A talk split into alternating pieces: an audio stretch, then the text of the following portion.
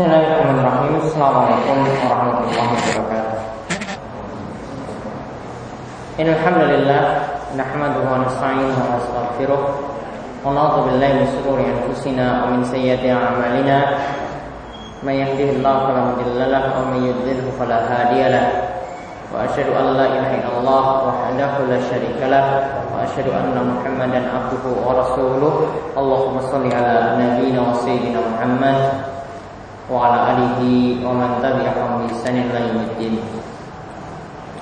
Taib alhamdulillah ikhwan fiddin wa fillah rahimani wa rahimakumullah.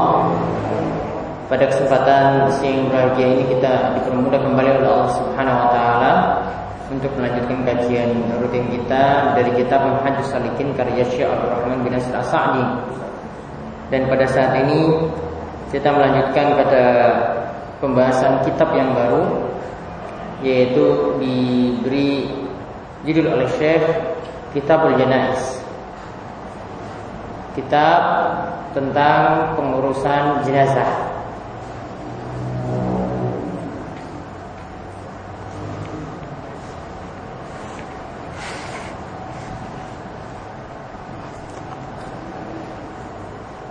Para ulama biasa menyebut dengan uh, ketika membahas masalah pengurusan jenazah ini mereka sebut dengan sholatul janais, sholat jenazah.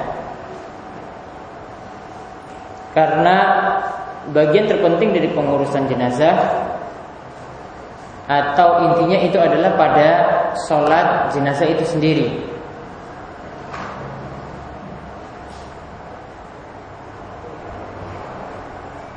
Sehingga kitabul janais seperti ini dibahas setelah membahas masalah sholat. Maka yang setelah kita bahas tentang masalah sholat secara umum, sholat berjamaah, sholat id dan sholat sholat sunnah yang lainnya, sholat orang-orang mendapatkan uzur, baru setelah itu dibahas ya tentang sholat jenazah atau disebut dengan al janais di sini.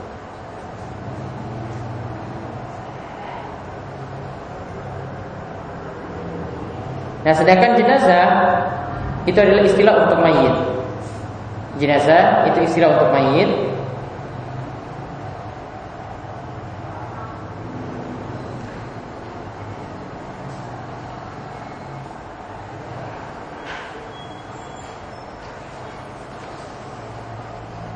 Dan secara bahasa jenazah itu turunan dari kata jenazah yaitu artinya mengangkat.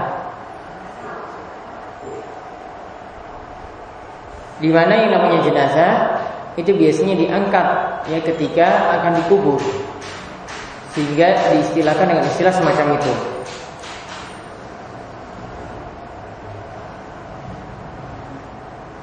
Nah, di sini beliau membahas beberapa hukum secara singkat yaitu Syekh menyebutkan pada poin 196 beliau katakan sabda Nabi sallallahu alaihi wasallam lakinu mautakum la ilaha illallah talkinkanlah tuntunkanlah ajarkanlah kepada orang yang mati di antara kalian kalimat la ilaha illallah.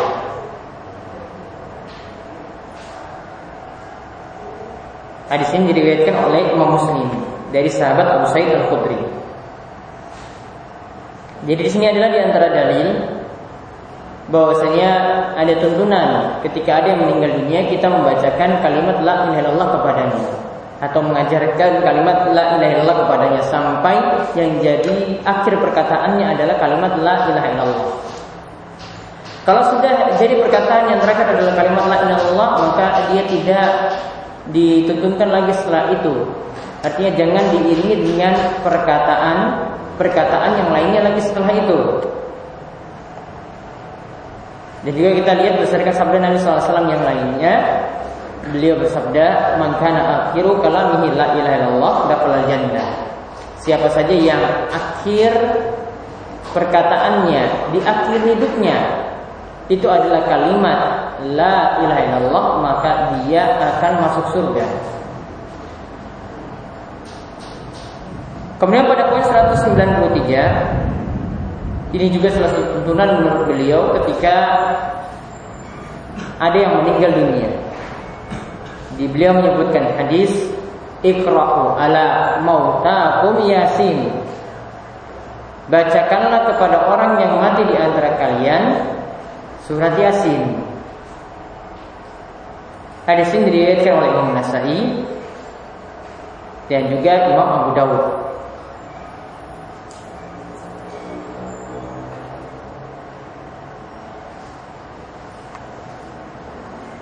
Nah kalau kita lihat di catatan kaki disebutkan bahwasanya kesimpulan disebutkan oleh Ibnu Hajar Al Asqalani beliau mengatakan bahwasanya sebagaimana Ibnu Qattan itu menyatakan hadis ini memiliki illah. Hadis ini memiliki cacat yaitu dengan attirab. Hadisnya itu bergoncang. Kemudian juga ada yang mengatakan ilahnya karena hadis tersebut mauquf. Dan mauquf itu cuma perkataan sahabat. Dan juga bisa dikatakan ada perawi yang majhul yaitu Abu Utsman dan ayahnya yang meriwayatkan hadis ini majhul, tidak diketahui. Dan Abu Bakar Ibn Arabi dari Daruqutni itu mengatakan bahwa hadis ini secara sanad itu dhaif. Majhulul matan, matannya itu tidak jelas atau tidak diketahui wala yasiu fil babi hadisun dan dikatakan oleh Ibnu Arabi bahwasanya tidak ada satupun hadis yang sahih yang membicarakan tentang membaca surat Yasin ketika mati ya tidak ada satu hadis sahih pun yang membicarakannya. Jadi kesimpulannya untuk poin 193 tidak ada tuntunannya. Syekh Abdul Aziz bin Bas juga ulama belakangan dalam majmuk fatwanya juga mendoakan hadis tersebut. Begitu pula ya dengan Syekh Al-Albani dalam kitabnya Al-Irwa, Irwaul Ghalil, beliau juga mendoakan hadis tersebut. Jadi intinya kesimpulannya hadisnya hadis yang dhaif, hadis yang lemah sehingga tidak bisa diamalkan. Jadi kalau ini adalah hadis yang lemah, maka tidak ada tuntunan membaca surat Yasin saat orang itu meninggal dunia. Yang ada adalah membacakan kalimat la ilaha illallah kepada orang yang menjelang sakaratul maut. Kemudian pada poin 194 Syekh Asadi mengatakan wa tajhizul mayyit. Dan pengurusan jenazah itu meliputi yang pertama bi memandikan mayit. Yang kedua wa takfinihi dan mengafaninya. Kemudian yang ketiga wassalati alaihi yaitu menyolatkan mayit Kemudian yang keempat wahamlihi memikul mayit. Yang kelima wadafnihi yaitu menguburkan si mayit. Lalu dikatakan oleh Syekh Sa'di hukumnya adalah fardu kifayatin. Hukumnya adalah fardu kifayah, bukan fardu ain.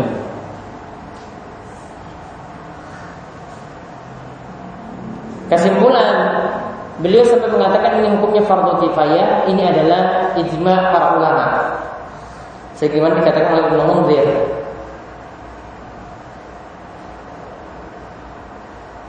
Ya, sebagaimana kesimpulan dari Ibnu Munzir dinyatakan dalam al-ijma di Ibnu Munzir dan juga maratibul ijma oleh Ibnu Hazm. Oleh Ibnu Hazm. Begitu juga Tamhid oleh Ibnu Bilbar dan juga dalam kitab Al-Majmu oleh Imam Nawawi. Ya. Jadi kesimpulan hukumnya tadi fardu kifayah. Ya, itu adalah dari konsensus atau kesepakatan para ulama. Jadi para ulama itu sepakat mayit harus diurus dengan lima hal tadi. Ya, lima hal tadi yaitu memandikan, mengafani, menyolatkan, memikulnya, ya ke kuburan, kemudian yang terakhir ya menguburkannya.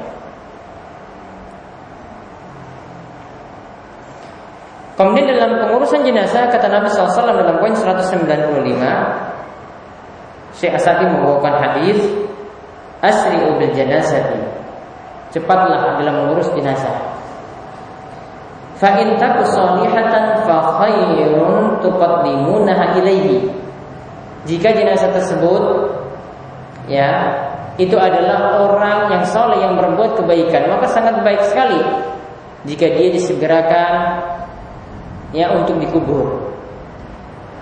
Wa in kanat jika dia bukanlah orang yang soleh pelaku maksiat fasyarrun tad'unahu an riqabikum maka kalau kita segera menguburnya kita akan ya menghilangkan beban ya di pundak pundak kalian ya kalian akan menghilangkan beban di pundak-pundak kalian jadi kalian sudah diletakkan kejelekan tersebut ketika menguburkannya. Jadi supaya kita tidak tertimpa kejelekan. Jadi kalau orangnya itu orang yang soleh kebaikannya adalah untuk si mayit. Ya, namun kalau orangnya itu adalah orang yang bukan soleh, maka biar kita tidak terkena kejelekannya, maka segera menguburkannya. Itu lebih baik.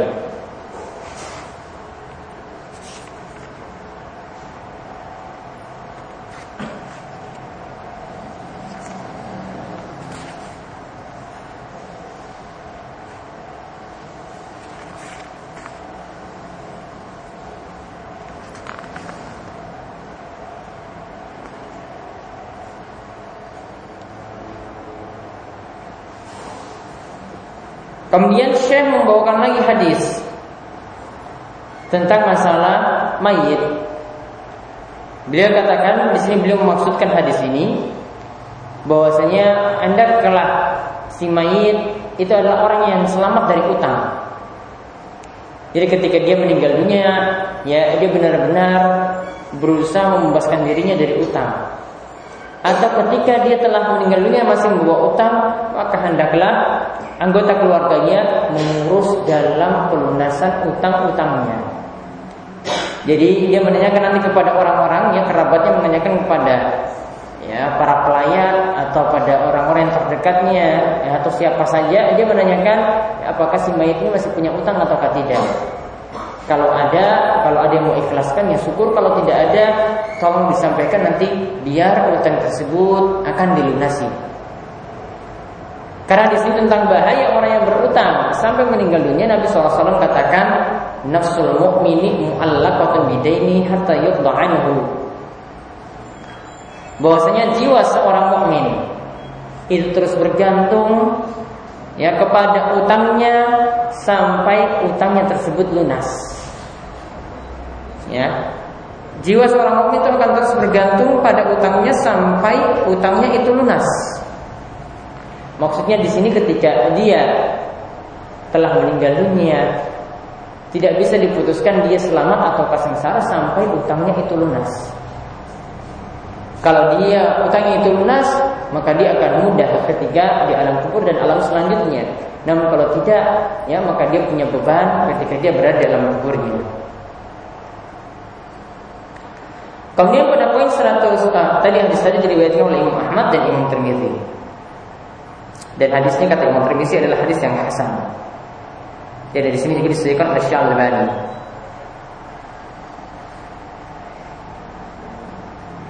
Nah, kemudian tatkala kita mengurus jenazah, maka kita mandikan. Ya, terlebih dahulu tadi dikatakan memandikannya. Ya, di sini beliau tidak jelaskan secara detail.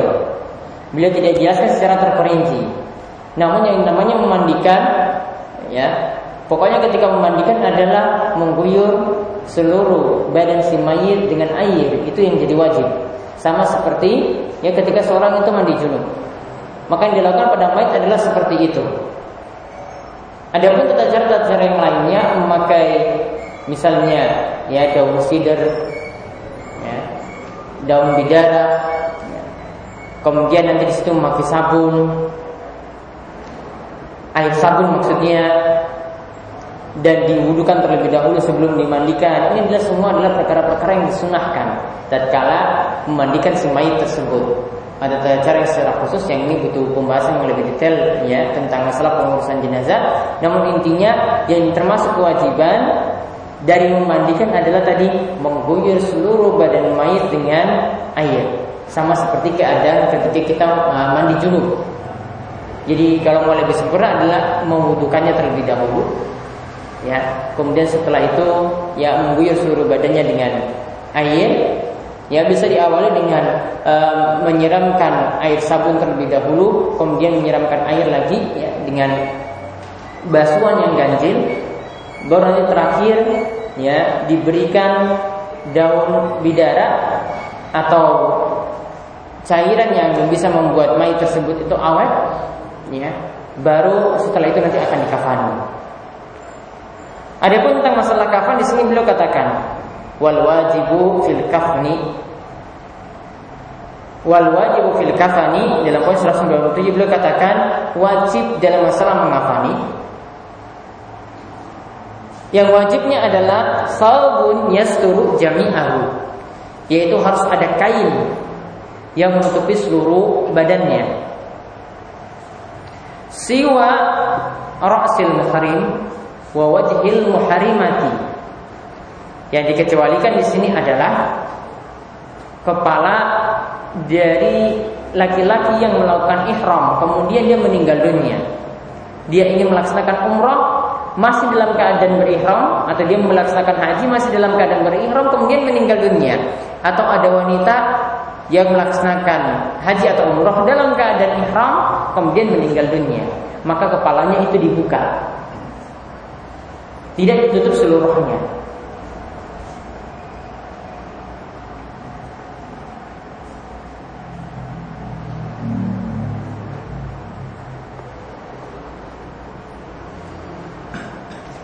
Adapun jumlah kain di sini beliau tidak sebutkan.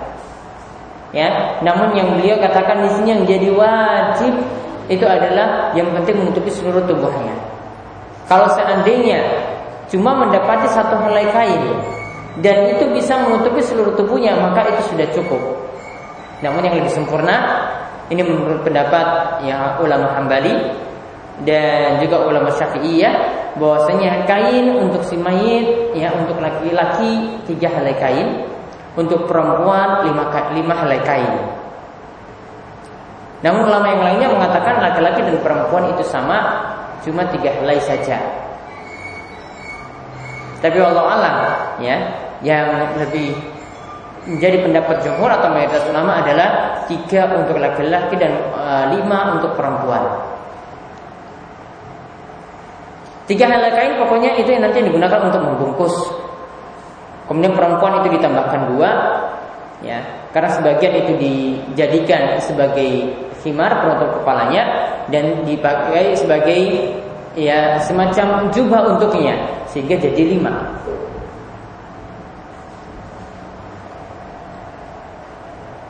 Nah dalam masalah mengafani di sini disunahkan memakai kain yang putih. Kemudian dalam hal mengafani dan setelah uh, badannya terbungkus boleh diberikan wangi-wangian. Bahkan itu yang disunahkan. Ya supaya keadaan mayat itu tidak dalam keadaan yang bau.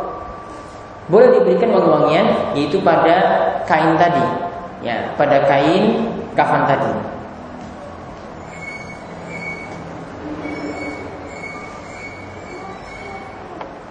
Kemudian setelah kita memandikan, mengafani, lalu di sini yang beliau sebutkan adalah tata cara sholat jenazah.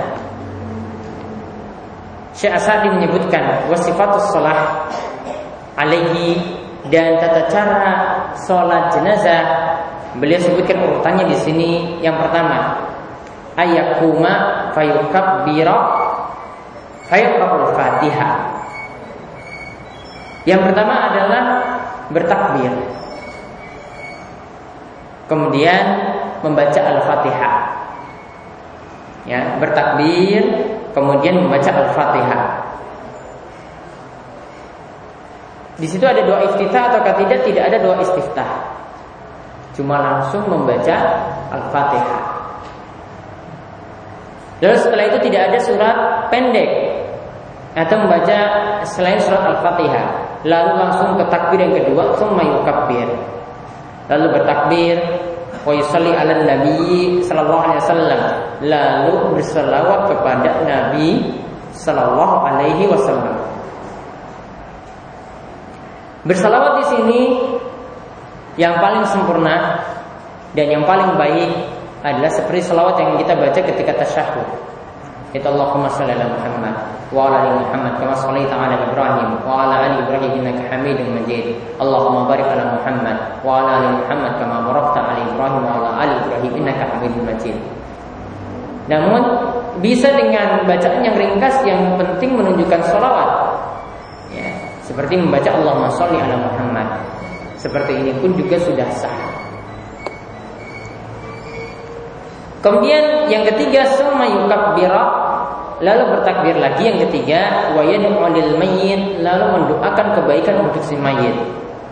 Doa yang dipanjatkan misalnya adalah doa yang beliau sebutkan di sini Allahumma ighfir li hayyina wa mayyitina wa saghirina wa kabirina ya Allah ampunilah ya kami yang masih hidup wa mayyitina dan di antara kami yang telah meninggal dunia wa saghirina wa kabirina begitu pula orang-orang ya anak-anak kecil di antara kami dan orang-orang dewasa di antara kami wa syahidina wa ghaibina orang-orang yang hadir dan orang-orang yang tidak hadir wa zakarina wa unsana dan juga mengampuni laki-laki di antara kami dan perempuan di antara kami lalu membaca Allahumma man ahyaitahu minna apa ahyihi alal Islam.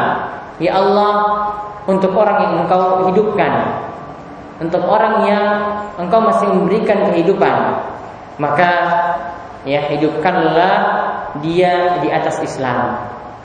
Wa man tafaitahu fatawaffahu alal iman dan orang yang engkau matikan maka matikanlah dia di atas keimanan. Untuk bagian yang penggalan yang pertama di sini diriwayatkan oleh Imam Ahmad dan Tirmizi dan Abu Daud dari hadis Abu Hurairah. Hadis ini terpesan sahih kata Imam Tirmizi. Jadi ini penggalannya apa yang disebutkan oleh Syekh di sini doa-doanya itu penggalan dari beberapa riwayat. Kemudian doa berikutnya lagi bisa dilanjutkan membaca ya Allahumma fir lahu warhamhu wa'afihi wa'fu anhu wa akrim nuzulahu wasi' mudkhalahu Ya Allah ampunilah dia semayit Kalau perempuan diganti lahu jadi laha. Allahumma fir lahu diganti Allahumma fir laha. Ada alif di belakang. Warhamhu Dan kasihanilah dia Wa'afi wa'afu anhu. Dan berilah keselamatan dan maafkanlah dia. Wa akrim nuzulahu dan muliakanlah tempat turunnya. Wa wasi' mudkhalahu dan perluaslah kuburnya.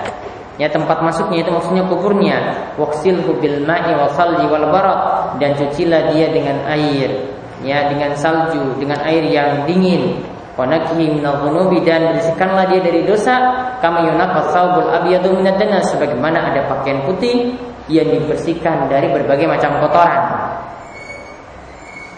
Untuk penggalan ini diriwayatkan ya dalam riwayat Muslim.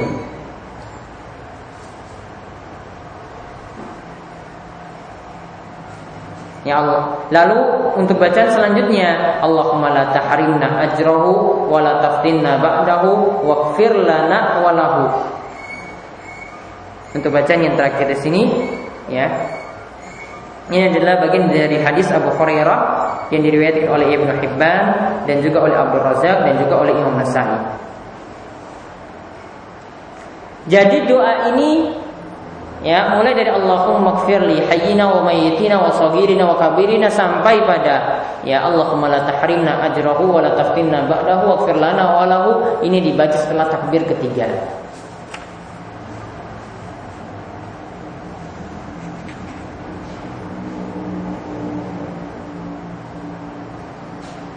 Nah, sedangkan setelah takbir keempat, kalau menurut Syekh Sa'di, di situ tidak ada doa.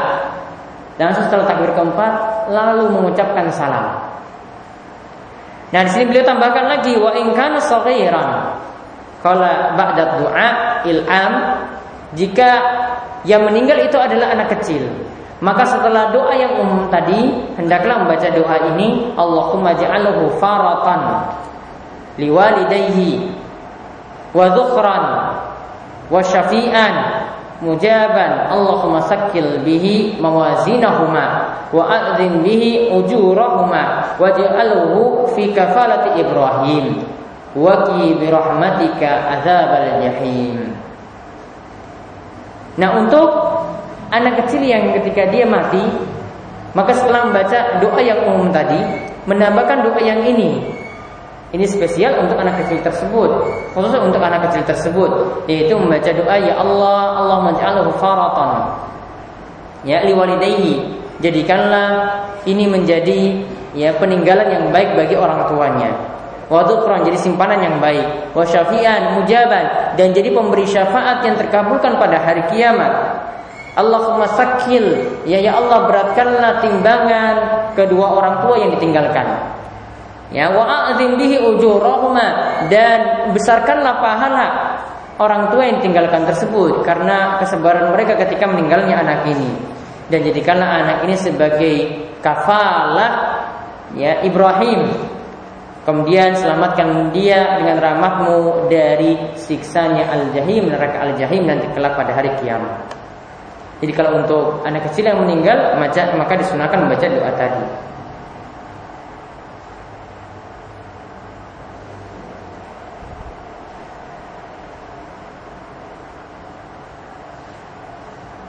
Namun ada catatan kaki ya di salah satu syarah yang kami peroleh bahwasanya tambahan untuk doa khusus kepada anak kecil tadi tidak ada doa yang khusus. Ya, jadi bisa diberikan catatan yang tepat tidak ada doa yang khusus seperti ini. Yang ada Ya Syekh Al-Anazi dalam kitab Ad-Dalil ala Manhajis Salikin mengatakan yang ada doanya adalah umum juga yaitu tetap dibacakan Allahumma ighfir li hayyina wa mayyitina wa saghirina wa kabirina dan seterusnya.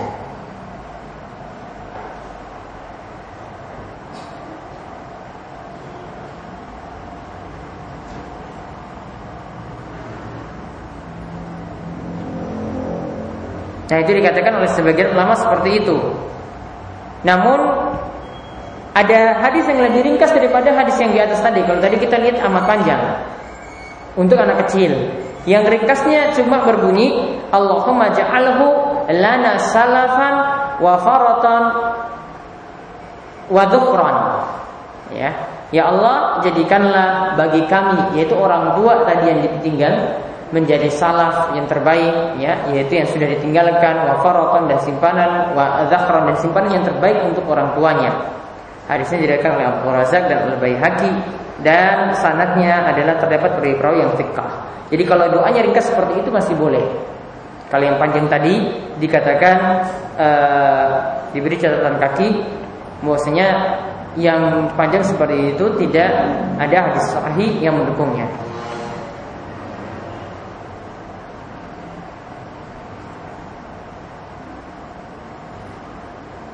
Jadi yang ada sebagaimana juga dipraktikkan oleh Al Hasan Al Basri, Allahumma ja'alhu lana faratan wa salafan wa ajran.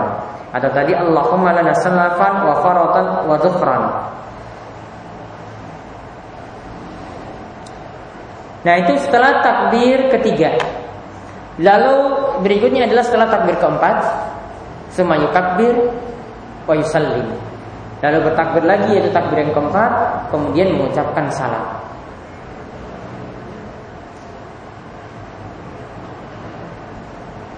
Jadi salam di sini disyariatkan. Namun tentang masalah salam di sini apakah salamnya itu dua kali ke kiri, ke kanan dan ke kiri? Para ulama berselisih pendapat. Namun yang lebih tepat riwayat yang ada yang menunjukkan tentang masalah salat jenazah, ya, yang ada cuma salam ke kanan sebanyak satu kali. Dan ucapannya hanya berhenti sampai Assalamualaikum warahmatullahi Tidak sampai ke wabarakatuh Jadi salamnya cuma ke kanan sekali Tidak ke kiri lagi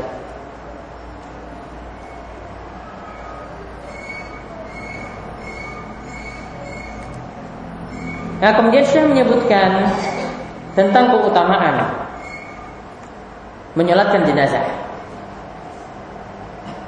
Ya, menyolatkan jenazah.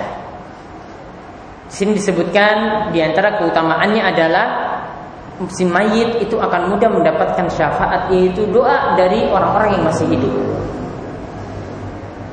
Nabi SAW bersabda, "Ma min rajulin muslimin yamutu fayaqumu ala janazatihi arba'una rajulan." Tidaklah seorang muslim itu mati Lalu yang menyelatkannya, yang menyelatkan jenazahnya itu adalah 40 orang. La yusyrikuna billahi syai'a dan mereka tidak berbuat syirik kepada Allah sama sekali. Illa syafa'ahumullahu fi melainkan Allah akan memberikan syafaat ya lewat doa-doa mereka. Jadi ini keutamaan semakin banyak yang menyolatkan berarti makin banyak ya ampunan doa kepada si mayit. Dia akan mudah mendapatkan syafaat. Dia akan mudah ya mendapatkan ampunan. Dan dalam riwayat yang lain dikatakan jika yang menyalatkannya itu 100 Intinya antara 40 dan 100 itu bukan merupakan batasan Artinya makin banyak ya maka akan makin mudah si mayit itu mendapatkan syafaat dia akan mudah mendapatkan pengampunan dosa namun dalam hadis yang lainnya lagi diterangkan ada keutamaan membuat tiga baris untuk menyolatkan jenazah tersebut. Walaupun jamaahnya sedikit, keutamaannya istimewa juga akan mendapatkan syafaat. Misalnya jamaah yang sholatkan cuma 10 orang. Maka ketika itu bisa membuat ya tiga baris. Masing-masing berapa berarti? Tiga ya. Tiga di depan, tiga di baris kedua, tiga di baris ketiga. Baru yang jadi imam itu satu. Dan posisi imam Ya, ketika laki-laki yang meninggal dunia, maka laki-laki berada di bagian apanya? kepala. Kemudian kalau yang mayitnya itu perempuan berada di bagian tengahnya, ya, bagian pusarnya. Ya, intinya di sini ada disunahkan membuat tiga saf seperti itu walaupun jumlah jamaahnya sedikit. Ya, kalau lebih itu lebih bagus. Ya, artinya lebih banyak itu lebih bagus daripada itu.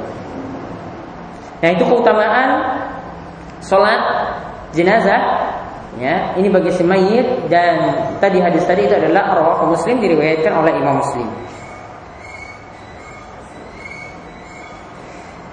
Kemudian pada poin ke-201 ya, Syekh Asadi menyebutkan ya, hadis tentang keutamaan ya melayat kemudian sampai mengantarkan si mayit sampai di kuburan. Di sini dikatakan oleh Nabi SAW man syahidal janazah hatta yusalla 'alaiha falahu kira. Barang siapa yang menghadiri ya jenazah sampai dia itu menyolatkannya maka dia mendapatkan pahala satu kira. Waman syahidaha dan barang siapa yang uh, hadir ketika itu hatta tutfana falahu kiratan dan dia mengikuti sampai mayat tersebut itu dikubur maka dia akan mendapatkan pahala dua kira. Kila waman kiratan. Lalu ditanya kepada Nabi SAW apa yang dimaksudkan dengan dua kira? Maka dikatakan oleh beliau, ya beliau mengatakan mislul jabal mislul jabalainil azimain yaitu semisal gunung yang besar. Semisal dua gunung yang besar. Berarti ini menunjukkan kalau orang yang menyolatkan cuma mendapatkan satu kira. Ya. Ini adalah suatu pahala yang besar juga kan berarti ukurannya itu satu gunung yang besar. Kalau sampai menguburkan lebih pahalanya lebih besar karena mendapatkan pahala dua kirat. Hadis ini mutafakun alaih diriwayatkan oleh Imam Bukhari dan Muslim dan hadisnya adalah diriwayatkan oleh sahabat Abu Hurairah. Kemudian ketika dikubur ya ketika dikubur tidak kita memakai ritual-ritual tertentu ya dan di sini ada aturan kubur yang diperuntukkan di sini ketika kita menguburkan si mayit. Yaitu disebutkan larangan-larangan. Saya mengatakan dalam poin 202, nahan Nabi sallallahu alaihi wasallam ayu jassasal qabru. Yang pertama Nabi SAW itu melarang kubur itu diberi semen atau diberi keramik. Tapi sebagian masyarakat memakai kijing. Ya, itu biasanya pada seribu hari baru ditaruh benda-benda tadi, yaitu ditaruh kijing semacam itu. Itu tidak dibolehkan. Kemudian terlarang lagi adalah wa ada alaihi. Kubur tersebut tidak boleh diduduki. Tidak boleh diduduki di atasnya. Jadi ketika mayat sudah dikubur, kubur tadi tidak boleh diduduki.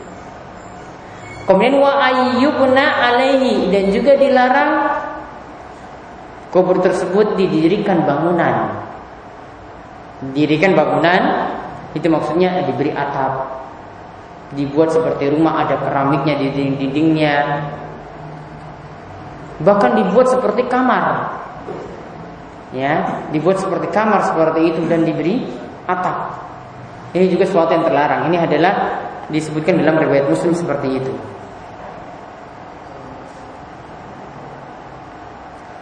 Nah di sini tidak disebutkan oleh Syekh ketika kita itu memasukkan mayat ke dalam kubur.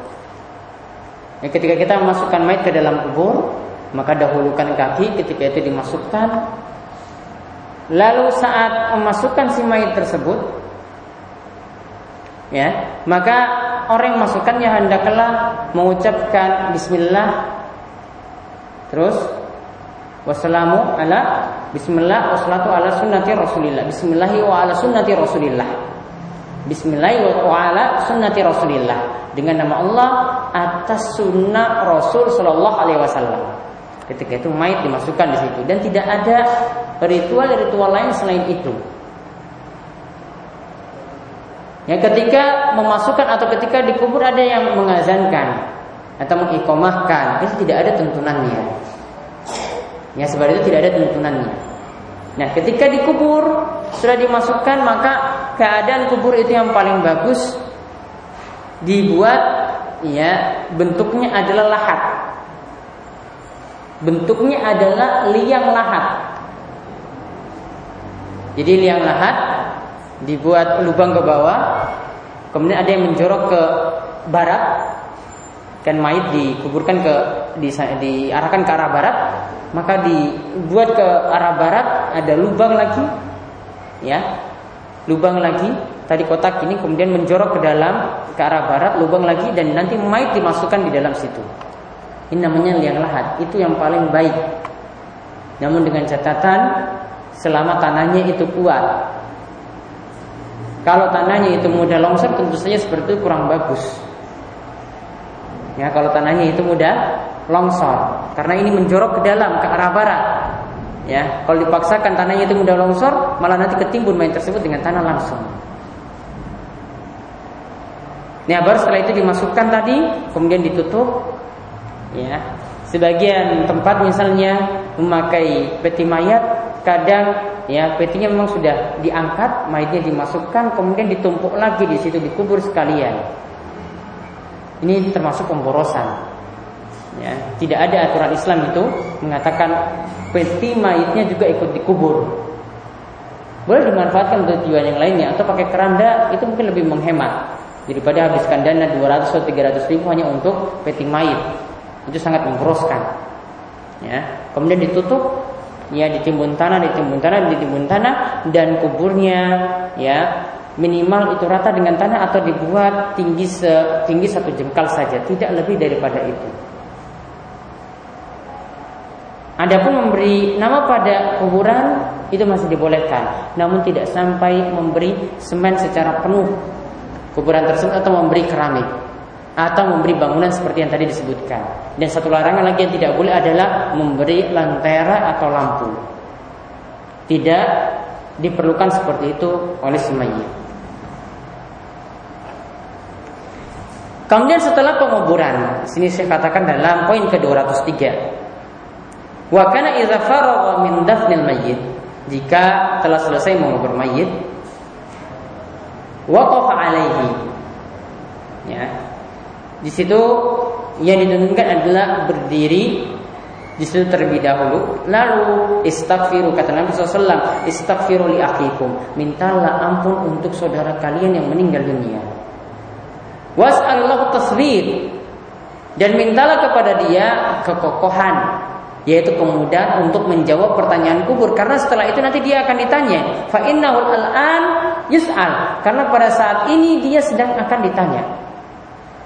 Ya ada malaikat nanti akan bertanya kepada dia langsung saat dia itu setelah dikubur. Maka mintalah ampun kepada dia mudah-mudahan dia itu diberikan ampunan dan berikanlah kepada dia ya doa juga doakanlah juga kepada dia supaya mendapatkan tasbih kemudian untuk menjawab ya tiga pertanyaan kubur Ya, man rabbuk, man nabiyuk, madinuk. Ya, siapa Rabbmu, kemudian siapa nabimu dan apa agamamu. Karena cuma orang yang kokoh imannya saja yang bisa menjawab pertanyaan kubur tersebut. Ya, fitnah kubur tersebut yang bisa menghadapinya. Selain itu yang tidak kokoh imannya sangat sulit sekali untuk menjawabnya, apalagi orang-orang munafik dan orang-orang kafir tidak bisa menjawab pertanyaan tersebut. Hadis ini diriwayatkan oleh Abu Dawud dan disesuaikan oleh Al Hakim.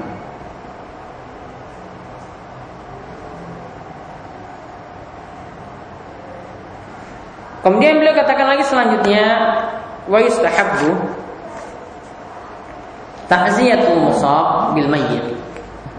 Disunahkan untuk takziah mengunjungi si mayyit ya, mengunjungi al musab bil mayyit yaitu keluarga yang mendapatkan musibah dengan meninggalnya si mayit tersebut yaitu keluarga-keluarganya. Mungkin yang meninggal itu adalah ya orang tuanya maka datang ke tadi rumah mereka situ masih kumpul keluarga-keluarganya, kerabat-kerabatnya, kemudian melakukan takziah yaitu menghibur mereka, ya menyemangati mereka untuk sabar, ya berikan mereka nasihat tentang hal takdir bahwasanya ini sudah jadi takdir Allah Subhanahu wa taala kita diperintahkan untuk bersabar dan jelaskan bahwasanya ada pahala-pahala yang besar bagi orang-orang yang bersabar saat itu.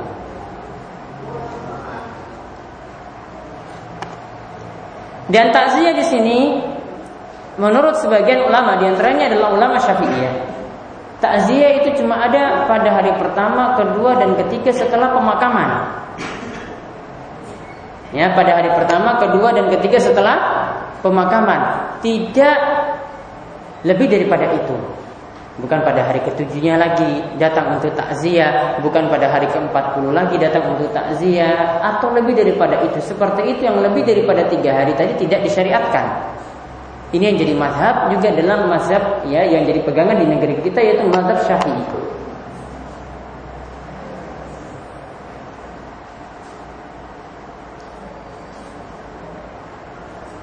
Bahkan ada keutamaan orang yang melakukan takziah semacam tadi, takziah yang dituntunkan, ya disebutkan dalam hadis Ibnu Majah dan Al Baihaqi, "Ma min mu'minin yu'ziya akhahu bi musibatihi." Siapa saja dari seorang mukmin itu bertakziah kepada saudaranya yang tertimpa musibah, illa kasahallahu subhanahu min hilal karamati ya yaumul qiyamah. Min hulal karamati yaumul qiyamah. Melainkan dia akan dipakaikan pakaian-pakaian kehormatan atau perhiasan-perhiasan kehormatan pada hari kiamat nanti. Ya, keutamaan seperti itu bagi orang yang bertakziah kemudian pada poin ke-205 Syekh mengatakan wabakan Nabi SAW alal mayit Nabi SAW itu masih ya menangis terhadap kepergian si mayit tersebut. Ya, dan beliau mengatakan inna rahmatun itu adalah tanda kasih sayang. Setiap orang yang menyayangi orang lain tentu saja sedih, tentu saja menangis ketika ada yang meninggal dunia. Maka menangis masih dibolehkan. Namun yang tidak dibolehkan beliau sebutkan selanjutnya ma'annahu la'anan na'iha wal mus wal mustami'ah. Namun Nabi SAW itu melaknat orang yang melakukan niyah atau orang yang meratapi si mayit. Ya, yang meratapi si mayit, Nabi Shallallahu Alaihi Wasallam itu melaknatnya. Meratapi itu maksudnya lebih daripada menangis. Atau dia menangis dalam rangka tidak sabar sampai teriak-teriak, sampai membanting-banting barang, sampai memukul-mukul tembok, Sampai karena saking tidak ridho misalnya Sampai membuat fluorid misalnya. Ya Keluar nantang siapa yang berani ketika itu. Tanda tidak sabar. Nah ini yang terkena laknat. Ya terkena laknat dan naiha itu termasuk besar-besar. Niyaha itu termasuk besar-besar. Bahkan kata Nabi SAW dalam hadis Abu Malik al Ashari, an-naihatu izalam tatub qabla mautiha. Kalau ada orang yang meratapi semait dan dia itu tidak bertobat sebelum matinya, Tuqamu yamal kiamat dia akan dibangkitkan pada hari kiamat wa alaiha sirbalun min dan dia akan dipakaikan ya baju dari tembaga ya wa dir'un min jarab dan dia akan memakai mantel yang sudah penuh dengan kudis-kudisan. Ya, ini bagi orang yang apa tadi melakukan niyaha, meratapi semayit. Dan ancaman seperti ini cuma berlaku pada orang yang melakukan dosa besar. Artinya perbuatan tersebut itu adalah dosa besar. Kemudian pada poin 207 beliau menambahkan lagi tentang sunnahnya kita untuk berziarah kubur. Dan sunnahnya di sini menurut pendapat yang paling tepat di antara para, pendapat para ulama adalah berziarah kubur tersebut dibolehkan bagi laki-laki dan perempuan. Namun, namun untuk mengantarkan si mayit ke kuburan itu diperintahkan untuk laki-laki dan dimakruhkan bagi perempuan untuk mengantarkan mayit ke kuburan tadi ketika mau dikubur.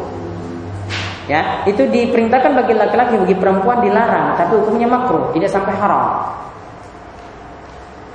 Tentang ziarah kubur Nabi SAW itu mengatakan perintah ziarah kubur zurul kubur fa innaha tutakkiru bil akhirah. Berziarah kuburlah karena hal itu akan lebih mengingatkan pada akhirat, mengingatkan pada kematian, mengingatkan pada alam akhirat. Jadi kita diperintahkan untuk banyak-banyak ziarah kubur.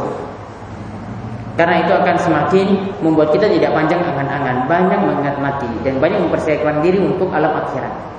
Hadis ini riwayat Muslim diriwayatkan oleh Imam Muslim. Kemudian apa yang kita lakukan saat ziarah kubur.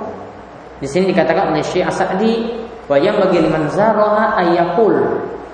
Bagi orang yang menziarahi kubur, hendaklah dia memanjatkan doa ya untuk si mayit.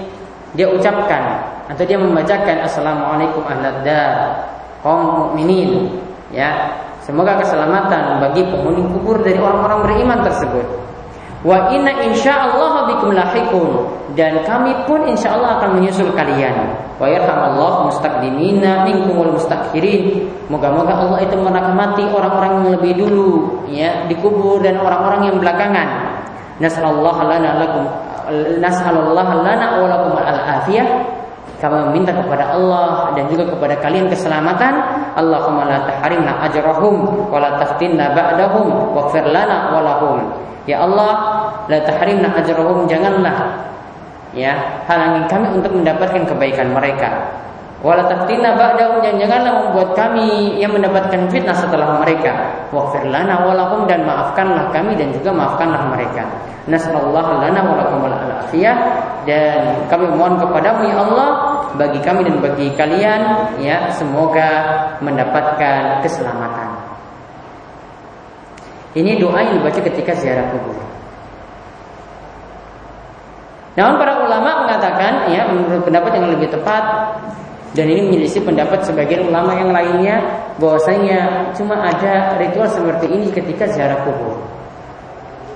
Tidak ada secara khusus untuk membaca surat-surat tertentu saat kita melakukan ziarah atau melakukan amalan-amalan tertentu kecuali jika ada dalil yang ada dalilnya cuma membaca doa ini. Ya ini yang warid, ini yang ada dalilnya. Adapun sebagian orang membaca surat Yasin. Ya, itu sama sekali tidak ada tuntunannya atau tidak ada dalilnya. Lalu beliau katakan terakhir dalam masalah al-jannah di sini beliau katakan wa ayu qurbatin fa'alaha wa ja'ala sawabaha li hayyin aw mayyitin muslimin nafa'ahu dzalik wallahu a'lam. Dan segala bentuk ibadah yang dikerjakan dan dikirimkan kepada orang yang hidup dan orang yang mati semuanya itu adalah bermanfaat. Ya, semuanya itu adalah bermanfaat. Wallahu a'lam. Jadi yang terakhir di sini beliau bahas tentang masalah kirim pahala kepada si mayit, apakah bermanfaat ataukah tidak. Di sini secara mutlak Syekh Asadi itu berpendapat segala bentuk ibadah jika dikirimkan kepada si mayit itu bermanfaat. Namun ada pendapat yang lainnya dari pendapat para ulama yang ada bahwa kirim pahala pada mayit yang bermanfaat cuma yang ditunjukkan oleh dalil. Karena Allah Subhanahu wa taala dan Nabi SAW sudah membatasinya tidak pada semua amalan. Dalam surat An-Najm misalnya ayat 39 Allah berfirman wa alaisa lil insani illa masa'a. Dan manusia cuma mendapatkan apa yang dia usahakan. Jadi dari orang lain itu tidak bisa kecuali ya ada dalil yang mendukungnya atau ada dalil yang memberitahukan bahwasanya amalan tersebut bermanfaat. Kemudian dalam hadis juga Nabi SAW itu mengatakan Iza mata ibnu Adam Jika manusia itu meninggal dunia In qata amalu Maka amalannya terputus. Sudah terputus selesai. Ila min salah satin kecuali Jika ada tiga perkara yang masih ada yang pertama adalah sedekah jariyatun sedekah jariyah. Ya. Kemudian yang kedua ya, wa ilmu yuntafa'u Ilmu yang diambil manfaatnya. Kemudian yang ketiga wa dan salihun yad'ulahu dan doa anak soleh yang mendoakan kebaikan kepada orang tuanya. Maka Nabi SAW juga membatasi kalau dalam hadis ini dikatakan tiga hal tadi. Jadi yang masih bermanfaat adalah sedekah jariah. Kemudian yang kedua ilmu yang terus dimanfaatkan oleh orang lain. Kemudian yang ketiga itu adalah doa dari anak yang saleh. Kemudian masih ditambah lagi dengan amalan-amalan yang lainnya yang masih ada dalilnya seperti misalnya mengirim pahala haji dan umroh untuk si mayit. Itu juga bermanfaat atau istilahnya adalah badal haji. Membadalkan haji untuk orang tua ya yang sudah meninggal dunia misalnya, maka itu akan bermanfaat. Ini ada dalil yang mendukung hal ini dalam hadis Subroma. Kemudian yang bermanfaat lagi adalah dalam hal melunasi utang. Jika mayat sudah meninggal dunia, kemudian dilunasi utangnya, maka akan bermanfaat untuk si mayit. Kemudian yang bermanfaat lagi, yang terakhir itu adalah uh, setiap amalan kebaikan dari anak yang saleh. Kalau tadi kita cuma sebutkan doanya doanya saja, namun yang dimaksudkan yang terakhir ini adalah setiap amalan kebaikan. Tadi sudah disebutkan dalam surat An-Najm, wa an laisa insani illa masa'a manusia itu hanyalah mendapatkan apa yang dia usahakan. Yang dia usahakan ya, yang dia usahakan ya, bisa jadi adalah dari anak yang telah dia didik atau anak yang telah dia besarkan. Ketika dia anak tersebut itu beramal soleh, melakukan sholat, melakukan puasa, membaca Al-Quran, maka pahalanya juga akan bermanfaat bagi orang tua meskipun mereka tidak niatkan. Meskipun anak-anak ini tidak meniatkan kirim pahala kepada orang tua, secara sendirinya itu jadi amalan kebaikan juga untuk orang tua. Ya, karena dalam hadis Nabi SAW katakan, ya, anak ya wawaladuhu min kasbihi dan anak itu adalah hasil jerih payah dari orang tua. Padahal tadi dikatakan dalam ayat Al-Qur'an wa alaisa insan illa masa'a. Manusia tidak mendapatkan apa yang dia kecuali yang dia usahakan. Yang dia usahakan disebutkan dalam hadis adalah anaknya. Jadi anak masih bermanfaat pada orang tua. Namun ya kebanyakan terjadi tengah-tengah masyarakat yang sibuk-sibuk kirim pahala itu orang lain anaknya gawe-gawekan di belakang. Ya kemudian siap-siap hajatan dan seterusnya. Ya tidak memikirkan untuk mengirim pahala kepada orang tuanya. Padahal anak itu lebih ampuh lebih cepat sampainya daripada orang lain. Karena orang lain boleh jadi niatannya tidak ikhlas ketika datang. Boleh jadi cari BCA boleh jadi cari amplop. Punya niatan-niatan yang lain. Tapi kalau anak dia betul-betul sungguh-sungguh ingin mengharap kebaikan kepada orang tuanya sendiri. Ya, jadi hendaklah si anak ini yang mendapat didikan yang baik. Kalau dia menjadi anak-anak yang soleh, maka pasti akan bermanfaat bagi orang tuanya ketika orang tuanya itu meninggal dunia. Bukan hanya doanya, namun juga setiap amalan kebaikan yang dia lakukan. Nah, itu demikian yang kita bahas tentang masalah kita berjenais.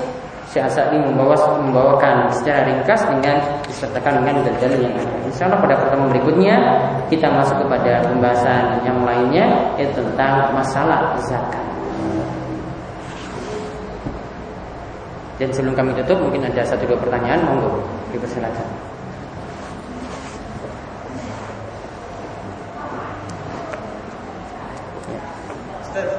Bolehkah kita meninggalkan wasiat saya sebelum kita supaya apa? Kalau nanti saya meninggal, supaya tolong yang sholatkan saya misalnya 10 orang atau 40 orang gitu. Bolehkah kita meninggalkan wasiat seperti Selama wasiatnya tidak ada pelanggaran, maka wasiat tersebut boleh dilakukan.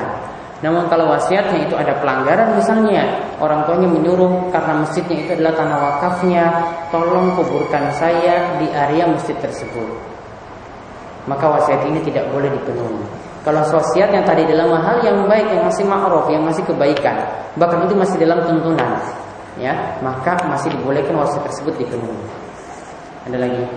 Ya.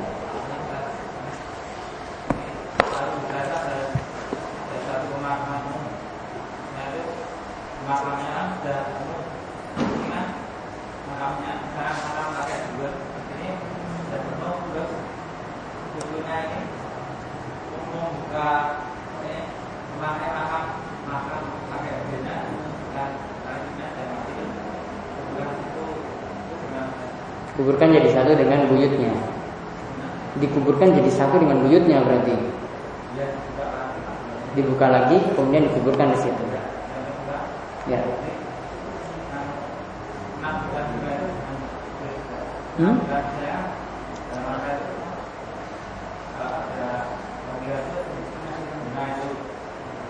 Dikasih ditabur bunga di kuburnya. Untuk yang terakhir tidak ada tuntunannya.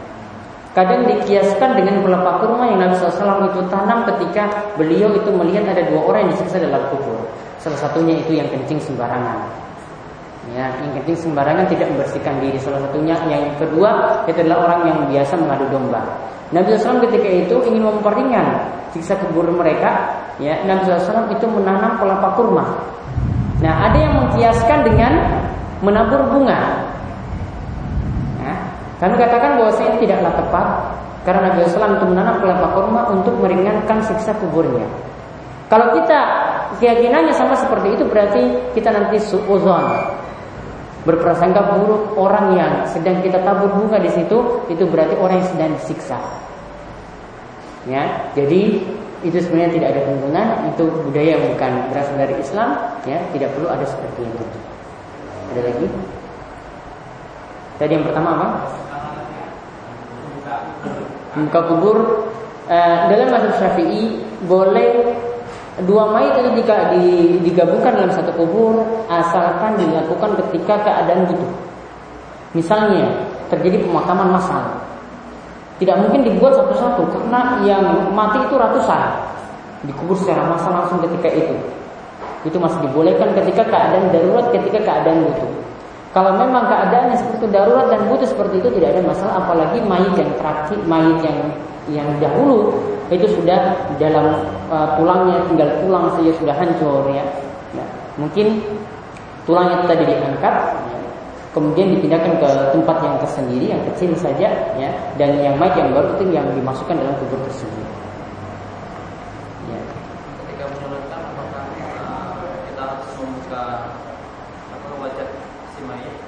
Disunahkan demikian, eh, menyalakan, menyalakan tidak.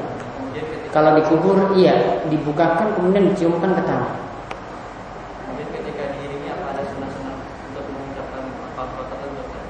Tidak ada. Ya. Cuma ketika itu segera mikul semai sampai ke kuburan. Tidak ada dengan teriakan-teriakan tertentu saat itu. Ada lagi? Mengusah. Ya.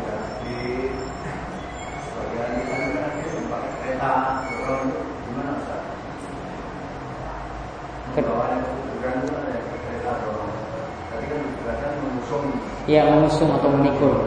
Iya. Yang disunahkan seperti itu mengusung, memikul, ya ini disunahkan. Ya, adapun memakai kendaraan jika tempatnya jauh ataupun memakai kereta, ya Allah alam. Kalau dikatakan sampai haram pun tidak, tetapi yang paling afdol tadi yang sesuai tekstual hadis adalah dengan mengusung itu yang paling bagus. Saya tidak berani mengatakan itu sampai haram. Ada lagi yang lain?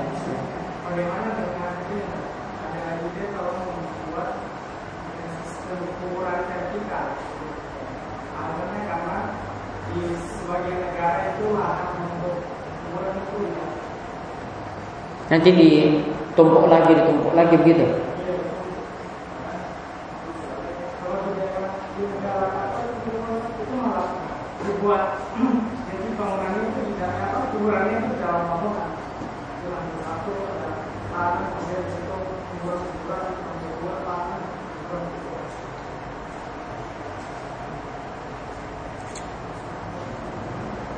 Itu kembali ke permasalahan tadi. Itu sama saja kita menanam atau menguburkan mayat lebih daripada satu dalam satu kubur. Dilakukan hanya boleh ketika hajat. Ya, ketika darurat baru boleh disatukan seperti itu. Kalau masih ada lahan, masih bisa membuat satu persatu kuburnya maka tetap dilakukan seperti itu. Ada lagi? Baik, baik kalau tidak ada kita cukupkan sekian. Subhanakallahumma wa bihamdika asyhadu an la ilaha illa anta astaghfiruka wa atubu ilaik. Sallallahu alaihi wa sallam